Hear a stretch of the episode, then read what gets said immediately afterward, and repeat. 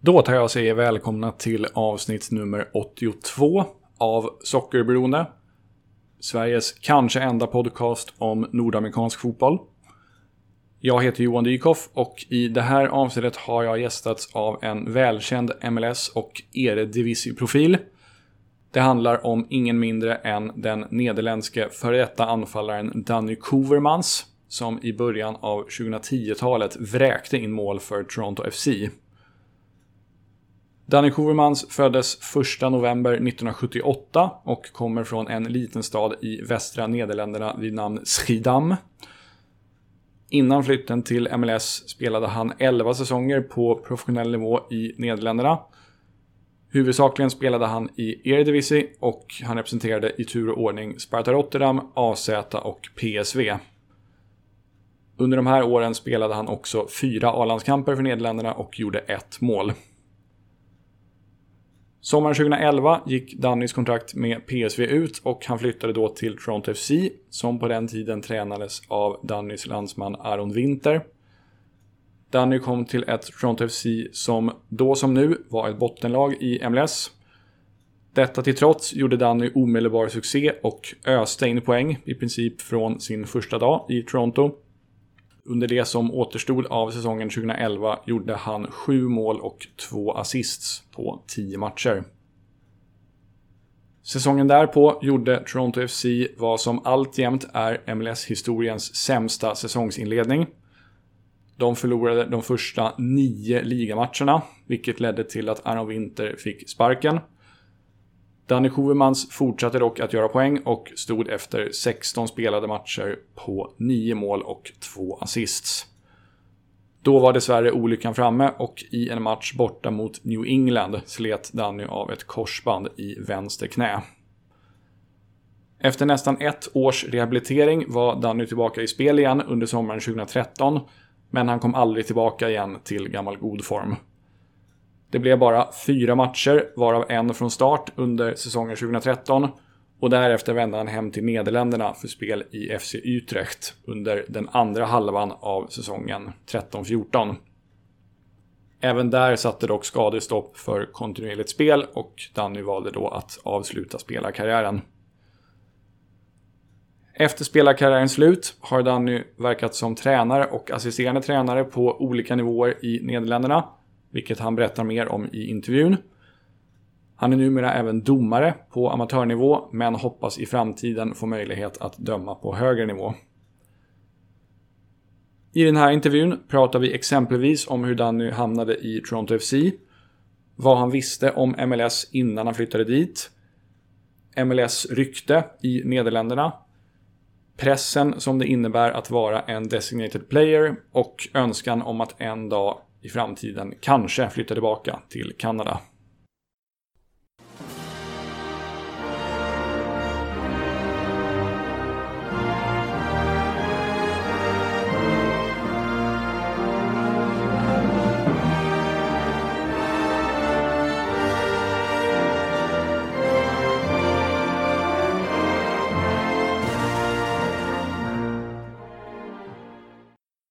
To start off, uh, obviously this interview will focus on you and your time in MLS. But since this is a football podcast based in Sweden, I would like to ask you uh, what comes to mind when you hear the words Swedish football. When I hear Swedish football, mm. then the first thing comes to mind: Ola Toivonen, uh, Andreas Isaksson, mm. Marcus Berg, some players I played with, and when I was playing for PSV Eindhoven. So that's the first thing that comes to mind. Mm. BK Häcken. Yeah. Is that from Sweden? Yeah, exactly. IFK Göteborg. Uh, I played at Helsingborg. Uh, so there are a couple of Swedish uh, things that come to mind when they talk about Swedish football. Yeah. Is there any one of those Swedish um, former teammates of yours who like stand out a little bit more? Any anyone that you liked uh, in particular? Uh, I always tell people about myself that I was like a chameleon. I could communicate and I liked everyone, but especially I think Ola Toivonen was a was a great colleague, great footballer, good person. On the pitch, he did everything to win. So uh, a lot of players thought he was like a nuisance, like a like a uh, always like a, a, bit of a bad guy, mm. but he always wanted to win. Uh, and we had some uh, some fun in Eindhoven, especially during the games, but also uh, after the games. So uh, yeah, Ola Toivonen was just like a great guy, and mm. maybe in the future I will see him again. We'll meet him. I have good memories of him. Yeah, he retired after last year's season, so he's he's now like the assistant sporting director at Malmö. Uh, oh, great! Yeah, I, I, I still followed him. I, I know he went to Australia. I was a bit jealous because mm. he played in Melbourne, I guess. Yeah, yeah, he played for Melbourne. And then he went back to Sweden. Uh, and after my time in Toronto, because I really like playing abroad, it was also uh, it was also uh, like a, a wish for me that I could have played in Australia. Oh. And then when I read he went, I was a bit jealous. Yeah, yeah, there, there, are definitely worse worse places to end up. yeah, it's just great if you can play football at the other side of the world. Australia, USA, Canada, that's such a great experience for you as a player, but also as a person. Yeah, definitely. Uh, I also need to ask you about your memories about uh, one other player, uh, Afonso Alves, because he is oh. he is like one of my favorite players of of all time. Uh, I actually had an entire podcast dedicated to him a couple of years ago, and I made over fifty episodes of that of that yeah. podcast. Um, what are your memories of Afonso Alves? That was the best goal scorer in the league when I was playing. Uh, 2007, he played for Heerenveen. Mm awesome. Like you knew every game he was going to score, and he always had this good connection with Danijel Pranjić, who was on the left side at Heerenveen. But Afonso Alves, he could, he, he had it all. Mm. He could score goals for fun with his left foot, right foot, free kicks, uh, penalty kicks, headers. He was he was such a good player to play against, and mm. that's why he scored uh, 34 goals that season, which made me the runner-up because I have 22 goals. There was a big gap between the 22 goals and the 34 goals of Alfonso mm-hmm. Alves. Great striker, great striker. And yeah. then I think he went to England, followed the the big money, but in England it all uh, turned to shit, if I can say. I think Middlesbrough, but it, it, is is is uh, his quality never uh, uh, rise in England again. Mm. Unlucky for him. Yeah, I remember uh, because he he he came from the Swedish league to here in Heerenveen and uh, he was considered like a, a, extremely good player by Swedish standards. But I, I, remember being a bit surprised that he performed that well in the Dutch league because the Dutch league is considered to be better than the Swedish league. So I was I was a bit taken aback. Like, okay, is he really this good? Like he, he averaged more than than one goal per game. So I was a bit surprised to see that. But um, uh, yeah, as I said, I, I was a huge huge fan of him when he when he was still playing. Yeah, I I can imagine that that you were a mm. fan, fan of him because he yeah. was uh, he, he, he was a good striker. He really was a good striker. And mm. in the Netherlands, the league uh, for attacking players, sometimes it's happened. I think in Sweden it's more uh, defensive, more results, uh, and in Holland, yeah, that's what you see sometimes uh, for a striker. You can score uh, lots of goals when you're in a mm. good attacking team yeah, you can score lots of goals. And that team of Heerenveen uh, back in the day where Afonso Alves was playing, they had a good coach. I remember they had good quality players. Mm. So every game uh, they played attacking football, which in Holland usually is we want to attack instead of first saying uh, defend. We we rather win four two than one 0 uh, Yeah, and then his qualities came up big, and and he just scored tons of goals. Yeah, yeah, definitely. Um, moving on to you and your time in uh, MLS. So let's go back to the summer of 2011. Um, in June of 2011, you left PSV and signed for Toronto FC. Uh, how did this transfer come about for you? Well, it's kind of a funny story because the my luck was that the uh, former coach of Toronto FC was a Dutch guy, Aron Winter. So then, of course, you know your uh, your fellow uh, citizens. He knew me as a Dutch player who can score uh, goals in the Eredivisie in Holland. Uh, and he already asked me in, in January if I wanted to join the Toronto FC team because I was sitting on the bench then at PSV. And I never, ever in my mind thought that I was going to MLS. I knew I wanted to go abroad mm-hmm. after the season because I was I was a bit done in the Netherlands, played there for 11 years. So I not to sound cocky, but I I seen all the stadiums. I've been everywhere. Uh, and the last season at PSV, I didn't play that much. So then he asked me in January, and I was like, no, I don't want to play in Canada. I just want to play in anywhere in Europe. It didn't matter to me, like England, Germany, Austria, Switzerland, Spain, Italy. It didn't matter, but it never popped my mind just to go across the Atlantic. So I said no. Then the months passed by, and it was April, May, and he called me again if I wanted to join Toronto FC. And again, I was like, no, uh, no, I, I just, I'm not going to do this especially because you're thinking it's kind of far uh, abroad. But then the season was over. Uh, I basically signed for a team in England, Birmingham City, where, where Alex McLeish was uh, the head coach.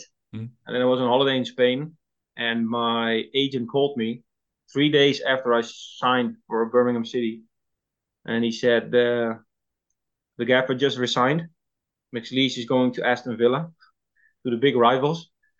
So you know, I was going, I was working in England. Like if a manager uh, gets you and a new manager comes in, just uh, yeah, I don't know if this deal has to go through then. So that one night when he called me, we were sitting at the table at the, with my family, and I was like, if we want adventure, maybe why not do Toronto? So I asked my agent, uh, you know, Aron Winter called me twice now, and he asked me twice maybe this is just a sign. Mm. And I said maybe we can see if Toronto is still if it still can work. And one week later, I was in Toronto and I signed my deal. So it was it was awesome, and I never ever regretted that decision because it was just what I just said a, a winning lottery ticket. Mm, just to right. go there, another country, great country, uh, great new stadiums, uh, great to learn new people. Uh, you get to new see new people, new friends, it was just uh, awesome, and that's how I got into MLS. Yeah. So it, it sounds like it was like uh, important for you to actually get the experience of playing abroad then. Yeah, definitely. When when you're for so long in one country, and I was ready. Uh, looking at my age, I was 32, and I'd been playing in the Netherlands for 11 years. And at that moment, I was just ready to go abroad mm. uh, with my family like a couple of years prior to that situation where I had to leave AZ, Alkmaar. I wasn't ready. I didn't want to go to another country. But the time PSV said, uh, your contract's done, you're a free agent, then I decided I want to go to another country. Mm. And eventually it uh, the the decision was uh, that it was going to be uh, Toronto after the funny fact that I just mentioned about the Birmingham City Aston Villa yeah. story. Yeah. Uh, how much did did you know about MLS before going to Toronto FC? Not that much. Uh, uh, I wasn't uh, familiar to the league at all. Of course, I knew some teams because I'm a I'm a football fanatic. Because I know some teams, and of course, I knew some players who went to MLS, like yeah, the the the big the big players with the big names. Uh, but like really knowing what the league was all about, which teams they were playing, how the salary cap worked. I, I had no clue. Mm. And when I signed my deal, before I saw the the contract, I was just like, I go there, and if I if I can make just a a decent living, and if there's a house that I can just pay and I can pay my bills, it's fine. I just want to be away from the Netherlands for two, three, four years. Mm. That's what I knew. But then I got there and then I saw what was happening with with the big salary issues between some players, like the one earning a lot, the one guy, the other guy who does the same thing, just earns like a minimum wages. Yeah. Then I saw what what was MLS, uh, what was all about with the designated players and stuff. I, I didn't really know. I never knew that was going to happen. So when I got there, and I was the big the big uh, press conference together with Thorsten Frings, because we came in at the same time. I was really was like, well, what's happening here? Because I didn't know. I didn't know what was coming. And then I saw that. I'm like, you, you are both the two designated players. This is how it works, salary wise, and other players from academy and and with the trades that people just get traded from one day to the other. You can mm. hear, uh, yeah, we've traded you with a guy from Dallas, so you get your bags and just make sure you uh, make sure your rent is not going to be paid for, uh, to the rent company. With this house again, you have to go to Dallas and you have to be there in two days. Like like weird stuff for me as a European player. Yeah. So I didn't really know that stuff until I got there, like the first week. Then they explained to me what what, what could happen in MLS. Mm, right. Uh, as you mentioned, you came there at the same time as uh, Thorsten Frings, the former German international, and the team also had uh, Julian de Guzman, right? Yes, uh, yes, yeah, Julian the midfielder. Guzman, yeah. Uh, so I suppose there, there must have been like a lot of pressure on you, Thorsten and Julian, to like lead the lines and perform, being like experienced and well-paid players coming over from Europe. Definitely, but I didn't know that when I was signing there. Right. I just saw it, like when I got there, that it was that it worked like that with mm. Thorsten, me, and uh, de Guzman as the three designated players. Yeah. Then the pressure came. I was like, geez, okay. And as a striker, I just basically made my living by telling myself every week, if you don't score, the team's not going to win. So it was mm. kind of a pressure that I always put on myself. Yeah. Uh, but then I got there, new league, uh, with the status of a DP. Again, I was like, okay, you have to perform. You have to perform, especially for the locker room, for the dressing mm. room. You have to because you you are the guy, uh, yeah, that with Thorsten and Julian is earning the most dollars. Yeah. So there was kind of a a big pressure on my back, uh, and I felt the pressure. But then again, I just had to score goals. But from the moment I landed in uh, North America, I started scoring goals. So that was that, that was good for me and good for the team. Yeah, right. Do you think could it be like harmful for the team in any way to have three uh, like way bigger stars that the team like relies on that heavily? It could be, mm. especially when you're not uh, performing, when you're not winning. Mm. And we came in during the the midway of the season in July, but then the second half of the season we did great with the team. We scored goals. Uh, we, we stayed unbeaten except the first home game against Dallas. For the remainder of the season, for the first time ever, we got into the next round of the CONCACAF uh, Champions League. So we made it through the group stage. So we did perfect, and it was it was great. Mm. It was great being there. But then the start of the second season, it all it all changed. Yeah. and then we had a yeah like a, a, horrible start in the league, and then uh, yeah the the rumor starts, and you get all the yeah the the shit that's gonna be on your back. Yeah, they exactly. on you, which is which is fine, which is natural, which which belongs to uh, your status. Exactly. But, but then when it goes worse, so when it's not going that well, yeah, then of course the the, the big players are going to be mm, uh, held accountable. Mm. Could it also be like that the, the non-designated players do they like may, maybe they don't um, feel enough pressure and maybe don't they, they don't uh, dare to take enough chances because they just think well Danny and Thorsten is going to figure this out for us is that a mm, risk no well? I never felt it like that no okay. no no right. the, the, guys uh, it, depending on how old they were we had younger kids we had older guys we had the guys in mid-20s they all were in practice every day and they worked hard like the mentality of the US uh, yeah the, the, the sporters the athletes mm. is phenomenal yeah, I know, and they were working so hard. They worked their butts off every day, every single day. So um, you, you, can't say anything about that. Right. Um, okay. And they wanted to make a difference as well, because they also wanted to play for their future, maybe a, a better contract in the future with uh, with other teams mm. or at the same team. So no, I, I I never felt it like that. But if you do the same job and it is not going that good, yeah, then maybe in the locker room they the the, the gossip starts, and yeah. yeah. maybe behind your back they they tell stuff. But that's yeah. in every part of life, everywhere that's the same. Yeah, I think. Yeah.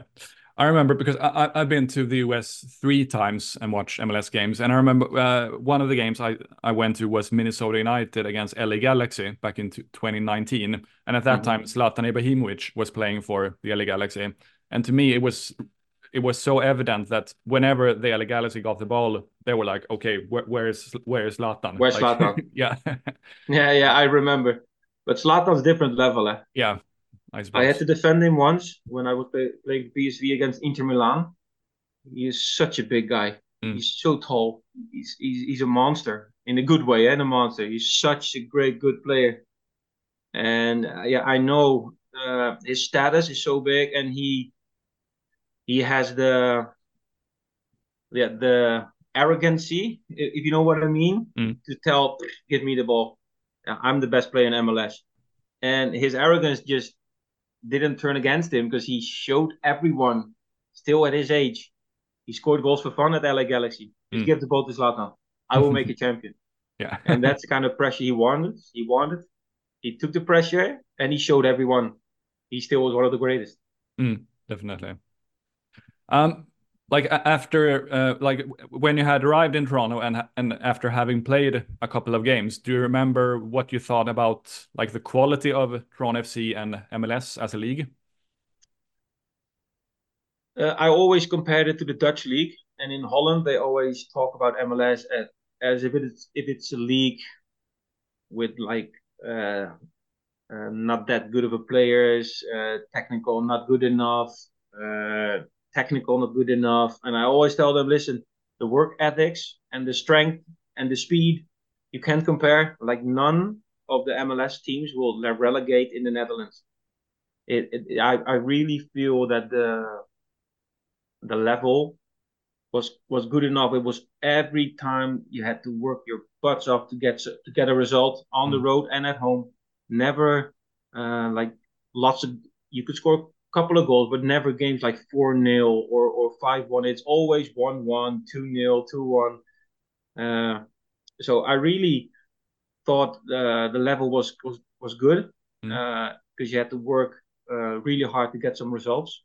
And now when I see, like, like, we're a decade later, like so many quality players, like in the Netherlands, we don't even know those good players from Central America, from from from Panama, from Nicaragua. We, we don't know that good players and they still believe that MLS is like a, a Mickey Mouse league, but it's not. It's mm. such good quality, and if you see now still more clubs coming in, expansion teams coming in, uh, stadiums filled, uh, like like great league, good players, good goals.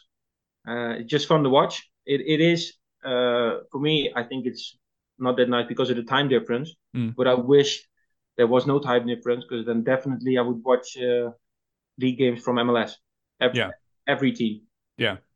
And that has actually changed only th like this year. Now, now uh, with uh, I think this season with the Apple, Apple TV deal, more games are actually played in, in the evening, uh, North American time, which means in the middle of the night here in Europe, which, it, which is a shame. It, it, makes it so much more difficult to watch the games, unfortunately. Yeah, I know. Uh, For us, it's it's better if they play there in the, in the afternoon. Yeah, exactly. Sometimes it happens, uh, but most of the games are uh, still for us in the middle of the night. Yeah. So then, yeah, I'm not taking that Apple Season Pass because I uh, at night I sleep. Yeah. but uh, through YouTube, I can watch uh, lots of highlights. Uh, first thing I do when Toronto FC has played, first thing I do in the morning is watch the highlights from the Toronto FC game. Last season it was uh, it was terrible, but maybe mm. like my uh, how can I say this? Uh, my quote is there's always a next season and especially mm-hmm. in mls with the with the draft with the draft picks with uh, people getting traded and dps getting off getting on. So like the one season you can finish last but the next season you can just finish third and get into the playoffs. And in the playoffs yeah. anything can happen. Exactly. you see it this year kansas city just just barely made it into the playoffs and they got into the semifinals. So uh, no, the what you asked about the the quality, I really think there's enough quality in MLS, and it, it's gonna improve. And maybe what they're doing now in Saudi Arabia, maybe in a couple of years, uh, yeah, all the best players are in MLS, and that's yeah. what I wanted when they said it like 25 years ago. So it's it's, it's growing and growing. I, yeah. Uh, it's a good league, and it's fun to watch. Yeah, definitely. I remember back. It must have been about the time when you were in MLS. Uh, I, I, remember that uh, New England they signed a Serbian midfielder called I think his name was Marko Perovic. Uh, I think I think so. I, I remember reading that he was on at first he was on trial with New England and he played for FC Basel before going to uh, MLS. And I I, I just read something about okay, there's this Serbian midfielder called Marko Perovic on trial with New England. So then I googled his name, and then I saw okay, there's a Marko Perovic at FC Basel, and and then my thought was well, like why would a FC Basel midfielder move to MLS? That doesn't make any sense. That that that was my thought back then. But nowadays, it definitely makes sense. Like it does make uh, sense. Yeah, yeah MLS players sign, sign players from this, um, or MLS teams sign players from, for instance, the Swiss league every year, basically. Yeah. So yeah. that that shows how much things have changed in only yeah. like 10, but, 12 years. Definitely, some players are being uh, bought. Like uh, some guys were still on the contract. Toronto FC bought some players from Europe. Mm. Just they paid money. Usually they waited for a free agent, like a free player out of contract. But these days, sometimes they just uh, they just buy the players. Yeah, yeah. Exactly. It, it all it all changed. Yeah, exactly.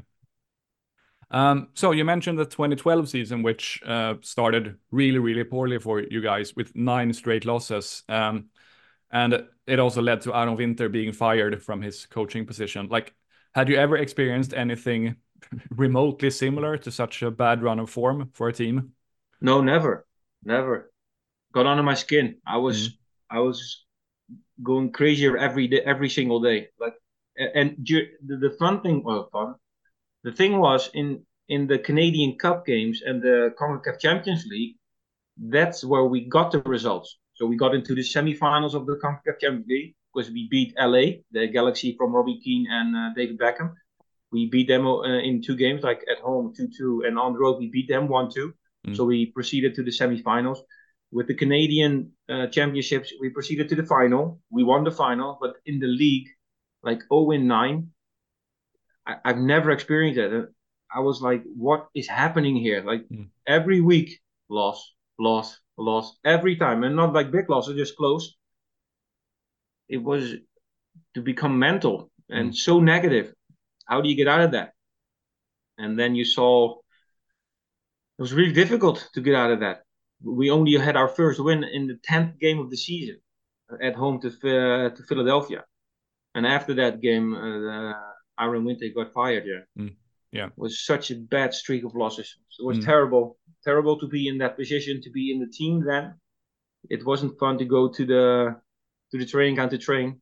When you look at the standings, 0 and 5, 0 and mm. 6, 0 and 7. And in the meantime, we went to Mexico. Uh, we played against Santos Laguna semifinals at home, and then we got a draw. Mm. Like, how is that possible? Against mm. Santos Laguna Champions League, we got a draw, and then we play on Saturday. We play, yeah, and name a team, pick a team, uh, Montreal, for example, and then mm. you lose two one. Yeah. And you go for the next one, Salt Lake City on the road. You're at two one ahead, and then still again three two loss in the 90th minute. Like we didn't get out of this negative circle. And, and did you did you and uh, Thorsten like you, you mentioned that you were like feeling the heat being a big name, well paid players at that time, and uh, so I, I suppose that must have been a pretty rough time for you personally as well. Definitely, mm. it was a, it was terrible times. Mm. But I mentioned uh, before we talked, like that moment, I made like the, the worst decision ever by uh, saying something in the locker room and I said something to the guy from the Toronto CTV press, and he posted that video that I said posted online. Uh, and the, the thing I said, and now I still, and I still, they still hold me accountable at Toronto FC. I know they use my quote in in press room uh, conferences just to show them how you're not uh, have to talk about your club, your team, which is terrible. I mentioned I said, if there will be standings now, there's none, not, not one team in the world that has 0 and 9. And then the reporter asked me, So you're the worst team in the world? Of course, we were not the worst team in the world. I never say about my team, we are the worst team in the world. But because then again, English is not my mother language, my 1st mm language. So I made the mistake of just saying, I'm sorry, I didn't mean it this way. So I just left it hang there a little bit, this quote. So the next day, yeah, it was me almost hanging on the tree uh, with a quote on television, worst quotes you can say by professional players. So it uh, it came back to me like a boomerang, like crazy in the locker room, in the press. So then the day after, I could. Uh, all the press was there again because they're always in the locker room after a game. And at Toronto, we came back from the game, and it was Washington.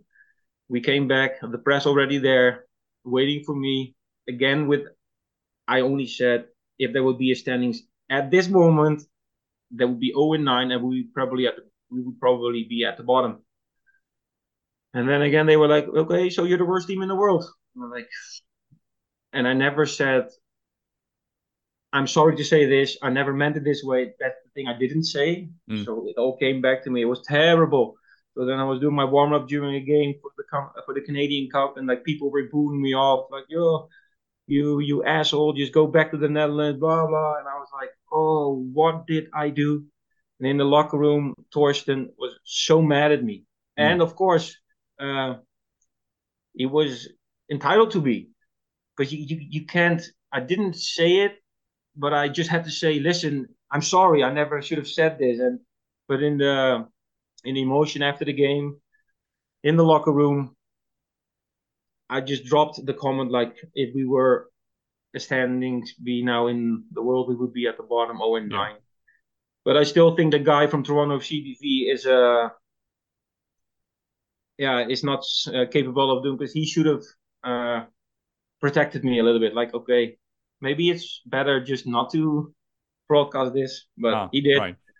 and he threw me under the bus. Mm. So uh, yeah, it was, it was, it was terrible. It, it was terrible. My mistake. And mm. I, I, I still know, and I do know that at Toronto FC, when people see me, I'm always remembered, not for my goals, but for that quote. Ah. And that still hurts to this day. I can imagine. But at, at least at least you were the one who ended that losing streak by scoring the winner against was it Philadelphia, right? I know it was Philadelphia at home, and I was yeah. under a lot of pressure because it mm. was the week after uh, the the press conference where I didn't took my words back. Mm. So I do remember that game. Uh, I was under so much stress, and I did the warm up again, and people were again booing and like, "Yeah, get get out of here! What what are you doing here?" and I was so happy in Toronto. I was like, oh, what's happening? But then I got on and I just saw it as like, okay, I'll put all the pressure on my back. Don't put it on my fellow players. Just put it all on me. Come on then. And then I scored the winner. Thank God. In the 88th mm. minute, I scored the winner 1 0. And it was the end of the losing streak. And uh, yeah, I think after that moment, the, the fans, they forgave me for saying that but within the organization, and I'm telling you, still now, people are still. Uh, I'm only remembered because of that. Yeah, and that's. Uh, I still. Uh, I feel shit about that. Yeah, I can imagine. Uh, would you say like uh, having gone through tough periods like that as a player is that um, can that be of benefit now that you work as a coach? Oh, definitely you learn from every moment you make as a player. You learn from everything you see as a coach what he does in a in a in a certain situation. Uh, like after that game in the locker room, some certain things happen uh, with the coach, with the players. Uh, of course, everything I, I do remember everything uh, what happened when I was a player, uh, and of course that's what helps me now being a coach. Although it's at amateur level, mm but still making decisions, uh, explaining why players do play or they don't play. Uh, yeah, it it helps me now. Yeah. Yeah. Right. Um, speaking of bad experiences, as you mentioned, you suffered a really serious knee injury in the summer of 2012. Uh, and you were 33 at the time, I think. Yeah. Uh, at that moment, did you think that you would be able to continue playing professional football? Uh, I did uh, I did. I cried for one day the moment it happened, and the next day I was like, okay, this is it. Recovery, rehab, ten months. Next year we will be back.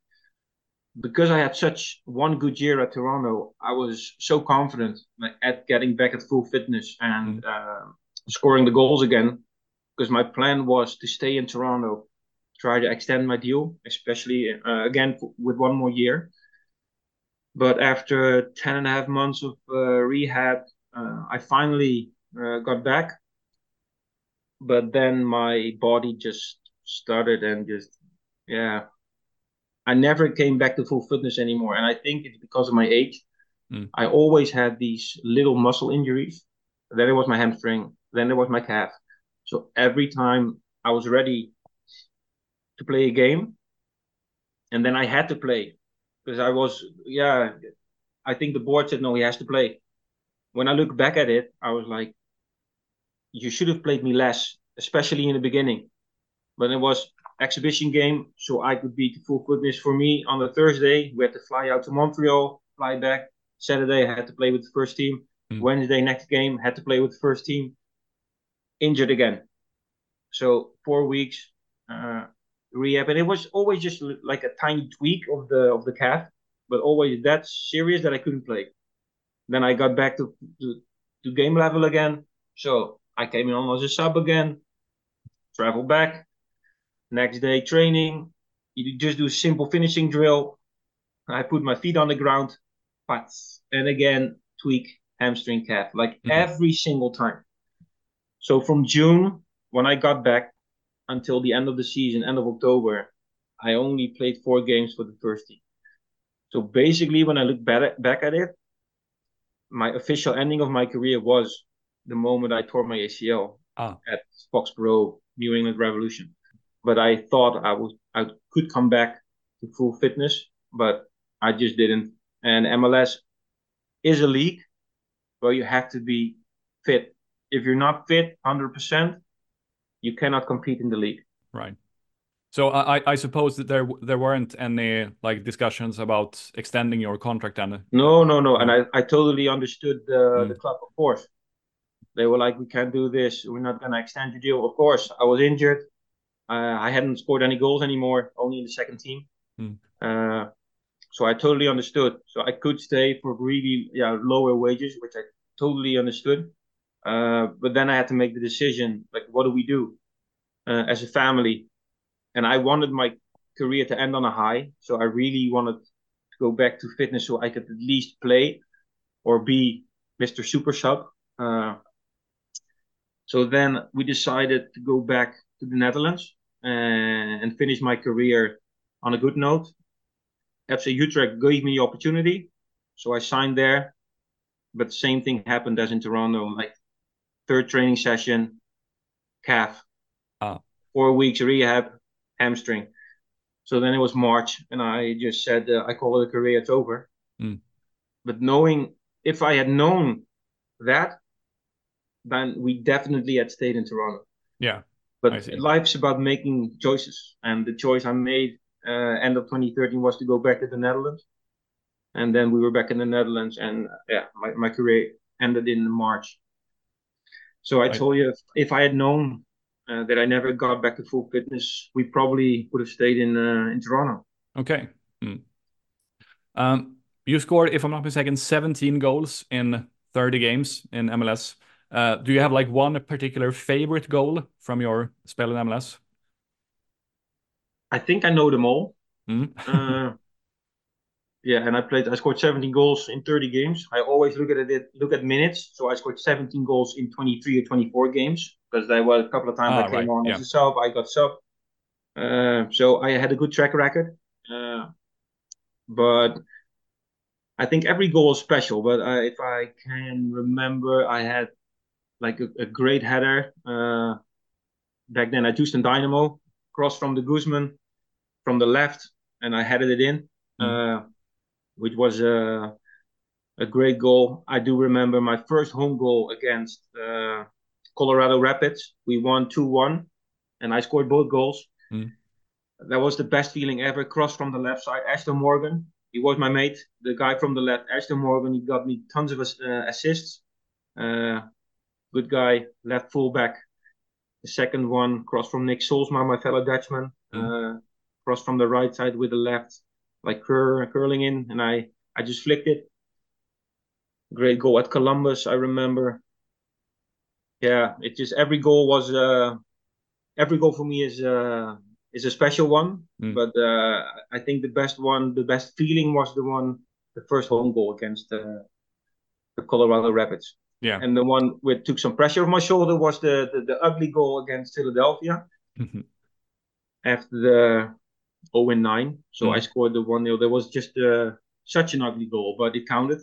Uh, and that was the one with the best feeling to get the pressure off my back. Of course, yeah. And you scored uh, in total. You scored more than hundred goals on the professional level. Um, for those who didn't uh, like watch you play that many times, what did the typical Dan- Danny Koevermans goal look like if you would have to describe it? Uh, I knew my strengths, so the, the thing I had to do uh, during build up and during uh, attacking play was just when I get the ball, just make sure to give it to my fellow player, uh, e- either a midfielder or a, a, winger, and then take position uh, close to the box, mm. and then just be there at the right time, make a run in front of the goal, just make sure your defender doesn't see you, and then get near post, get second post, and uh, tap it in, mm. or a good one touch around the box just to make sure the ball is right there where I wanted it and then shoot it. Right, right. That's basically yeah, uh, what was my bread and butter. Just mm. touch and shoot, or be in the box and see where the the cross is coming in and head it in or tap it in. Yeah, exactly. Not many like uh, Afonso Alves style free kicks, but you you, you scored a, a, lot of goals still. I know that's uh that's something extra you can have in yeah. your uh, in your backpack. But uh, yeah, uh, I did never score the free kicks. Mm. We always had these guys like Alfonso Alves who could mm. score for PSV and for Toronto FC. I never took the free kicks, right? Which was unlucky because I wanted to take them because I still believe if I could shoot a, a ball from like 20 meters out, yeah, I think I could have scored more goals. Yeah, I was I was close to 200 goals in my professional career. I missed it by five. Mm. If you take like all the the cup games and playoff games, I was at 195. So it was a goal to get to 200 the moment I tore my ACL. Ah. But yeah, I never made it. Ah, just 195. yeah. Um, can you name some of the best players you played with and against, respectively, in in MLS? In MLS, like so many uh, players change. Mm-hmm. But I do remember like my first game, I played against FC Dallas, and the guy was named Ilimeu or Imileu. It was uh, like a big, strong guy uh, in the back. Uh, I know. Ah, Ihemelu, yeah, right. Yeah, right, Ihemelu yeah. from the Dallas. Yeah. I, I, knew, I know we had to retire because of uh, concussion, mm. and that was my stand. I was like, Jesus, this is this is like working to get to make sure this guy you, you to get him off your back and try to score a goal. Uh, that was my first experience, good guys. But I also played against. Uh, let me think. Let me think. Like you, as a European guy, you know the European players who go there. But it's been such a long time now that I don't really recall those names. But like every uh, game, it was just hard. Such good defenders, and if they came from Costa Rica, came from Mexico. Uh, it didn't matter. They were all strong, uh, fast, um, big, and just all good defenders. Like every single one of them. Do you remember playing against a guy called Ike Opara? He played. He was. The... At, I remember. He was at uh, Sporting Kansas City. Yes, exactly. Exactly. Yeah. Yeah. Now, now you mentioned the name. I remember. Yeah. Same. That was my second game. I guess we had to play on the road against Kansas City. Mm.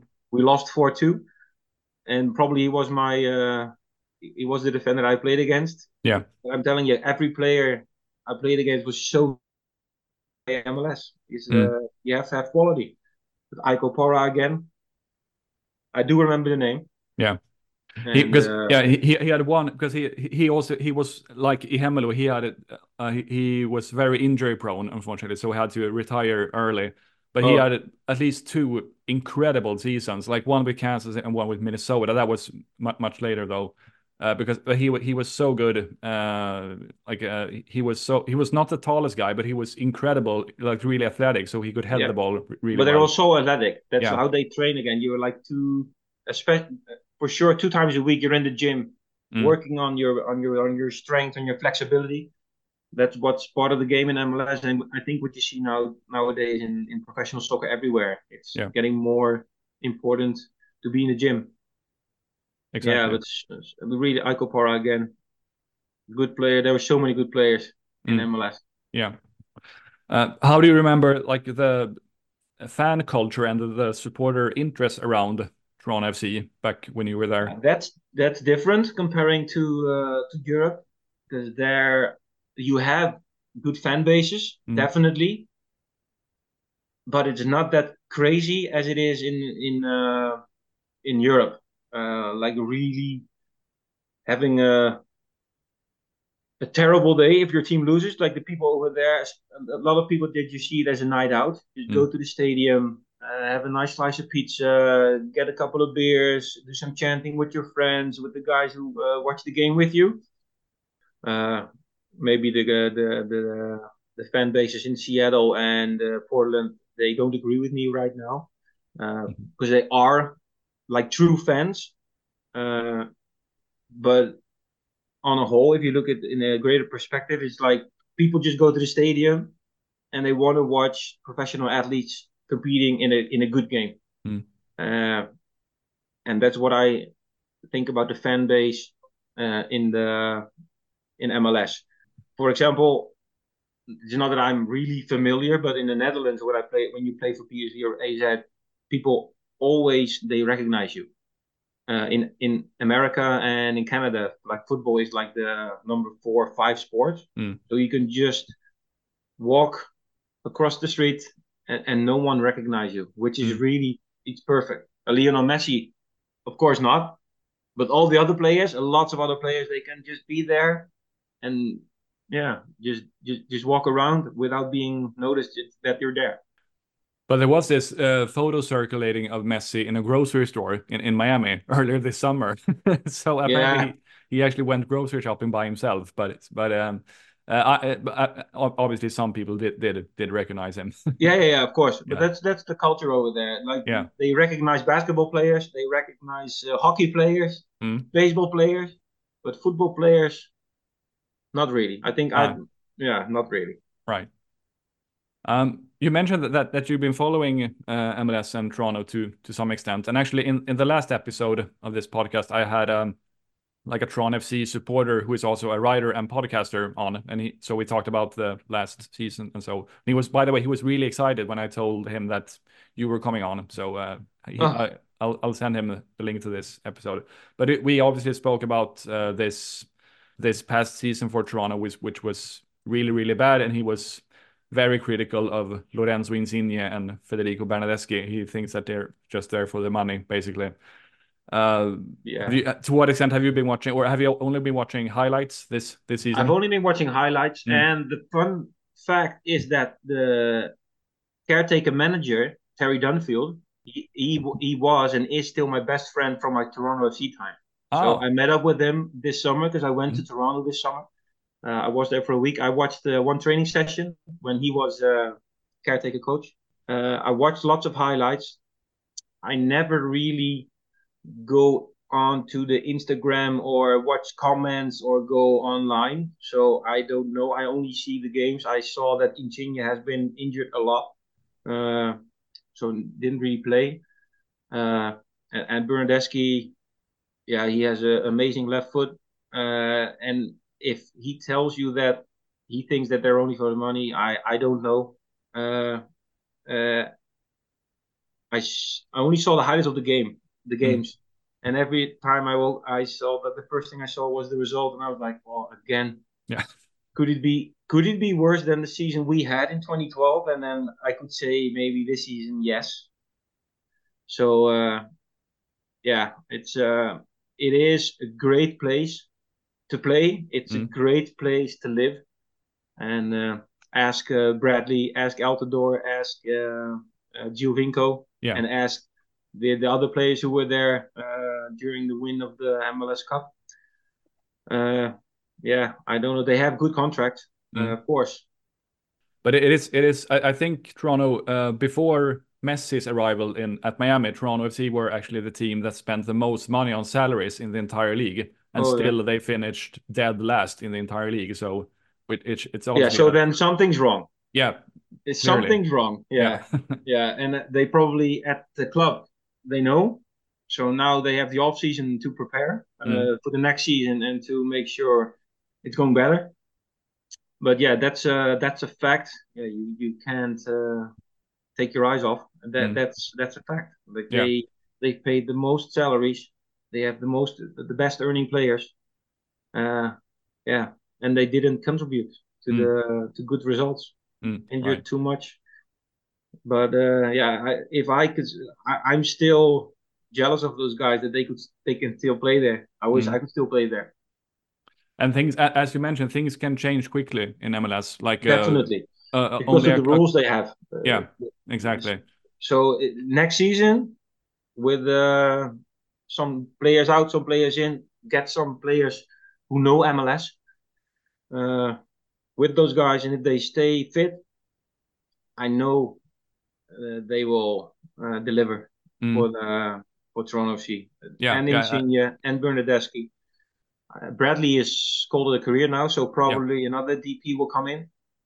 Uh, everything can change. I, am a really a big fan of uh, Jonathan Osorio. There was the the one guy who's still playing, who I played with when I was mm. playing. Uh, he had he has such a great career. Uh, back then, when I was playing, of course, he was uh, 12 years younger. then I saw his potential, and he's still there. Mm. So with him and the other DPs, I still think next season everything can uh, can turn around. They have a new head coach.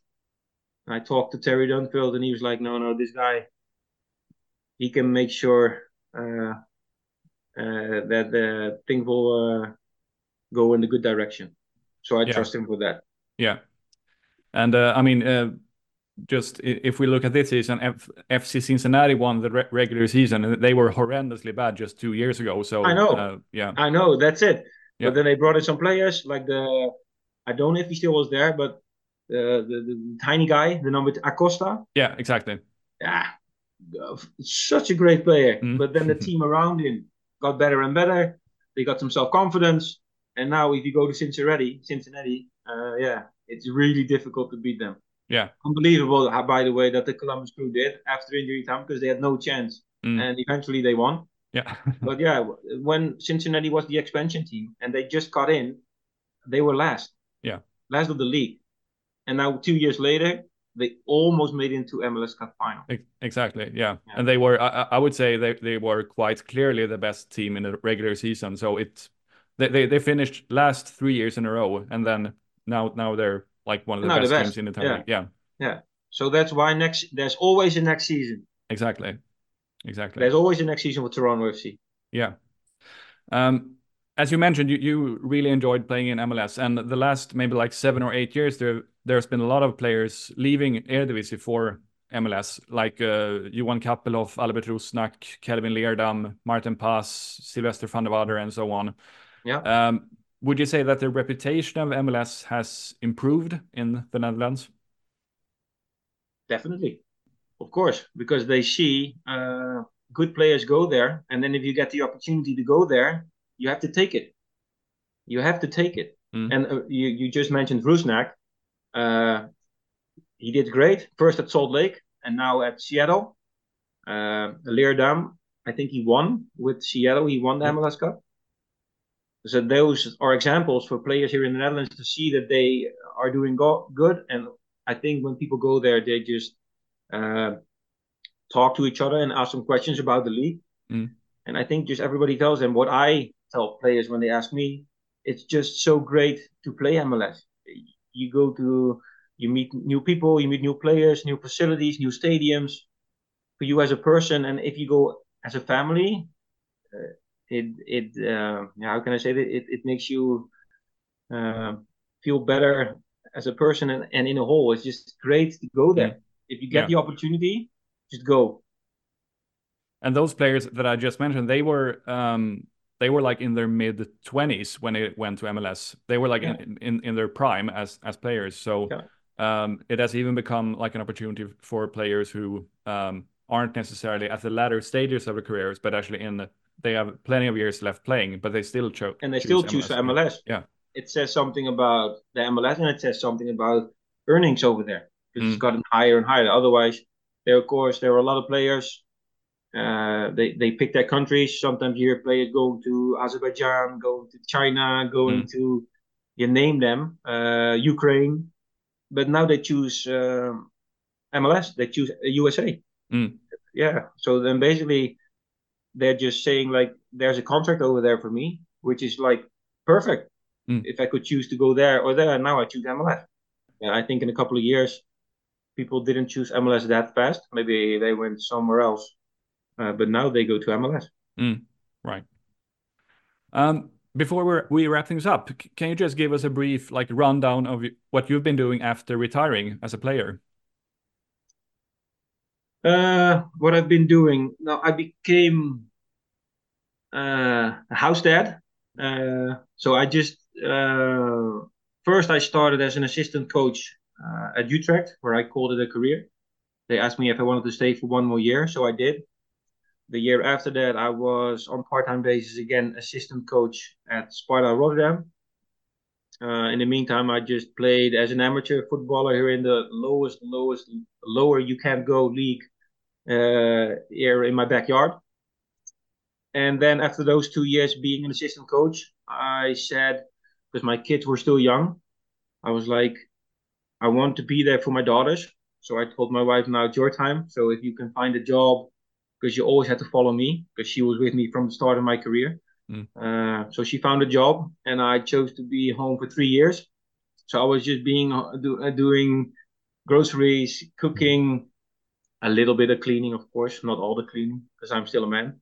Uh, and I just made sure I was there for my kids, being the taxi driver to the to, to the dancing, to the tennis, uh, you name it. So I did that for three years, and after that I became assistant coach again, the PSV women's team, and I became coach again with some amateur teams uh, here close by.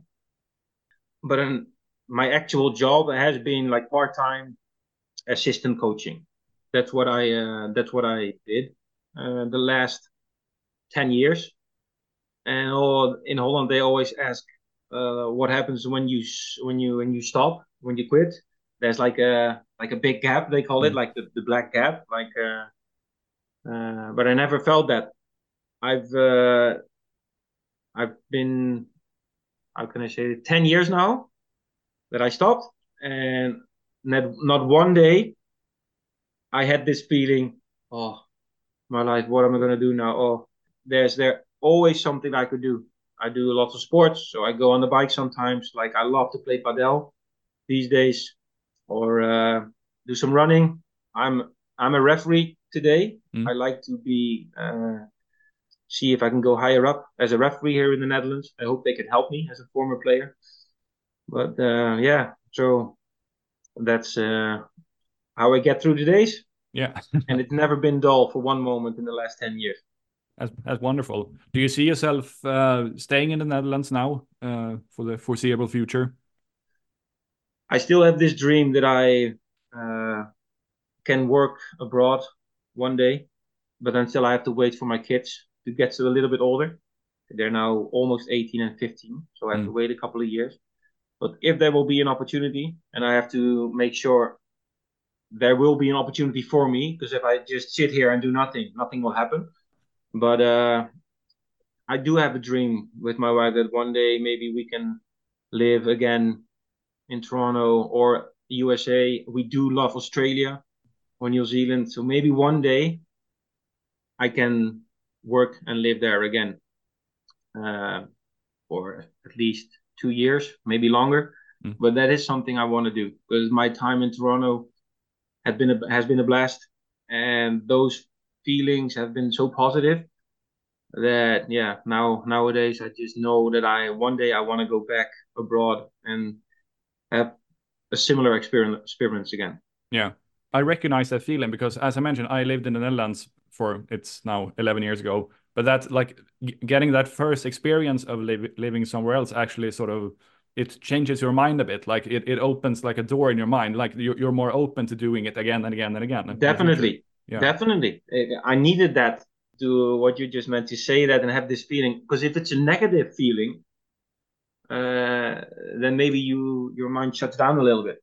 But it's such it's been such a positive feeling that i tell people even although they are like 23 22 if you get this opportunity just do it. Yeah. And if you don't like it within six months you're back. You, you, you can go back anytime. That was the what I meant, what I said to my wife, she was like, if I don't like it, there always has to be a possibility for me that then I say uh, I'm homesick. We have to go back to the Netherlands. And I was mm. like, of course, that's what we do. If you don't like it here, because I'll be traveling a lot, then we uh, then we go back. But we were there two days, and she was like, no, this is it. This is perfect. Mm-hmm. So yeah, it um, yeah we really uh, loved our two and a half years living in Toronto. We loved the experience we had abroad, and that's why uh, in, in the future we hope we can get that experience again. And then we prefer New Zealand, Australia, Canada, USA. That would be awesome. And then not as a player, but as a as a coach or maybe a referee. Who knows?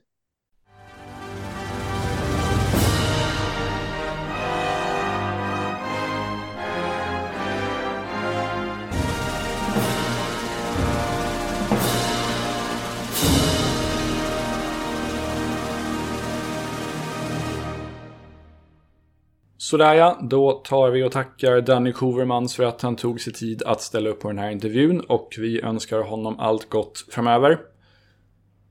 Jättekul att få prata med en sån stor profil som Danny och intressant att få veta mer om hans händelserika tid i MLS.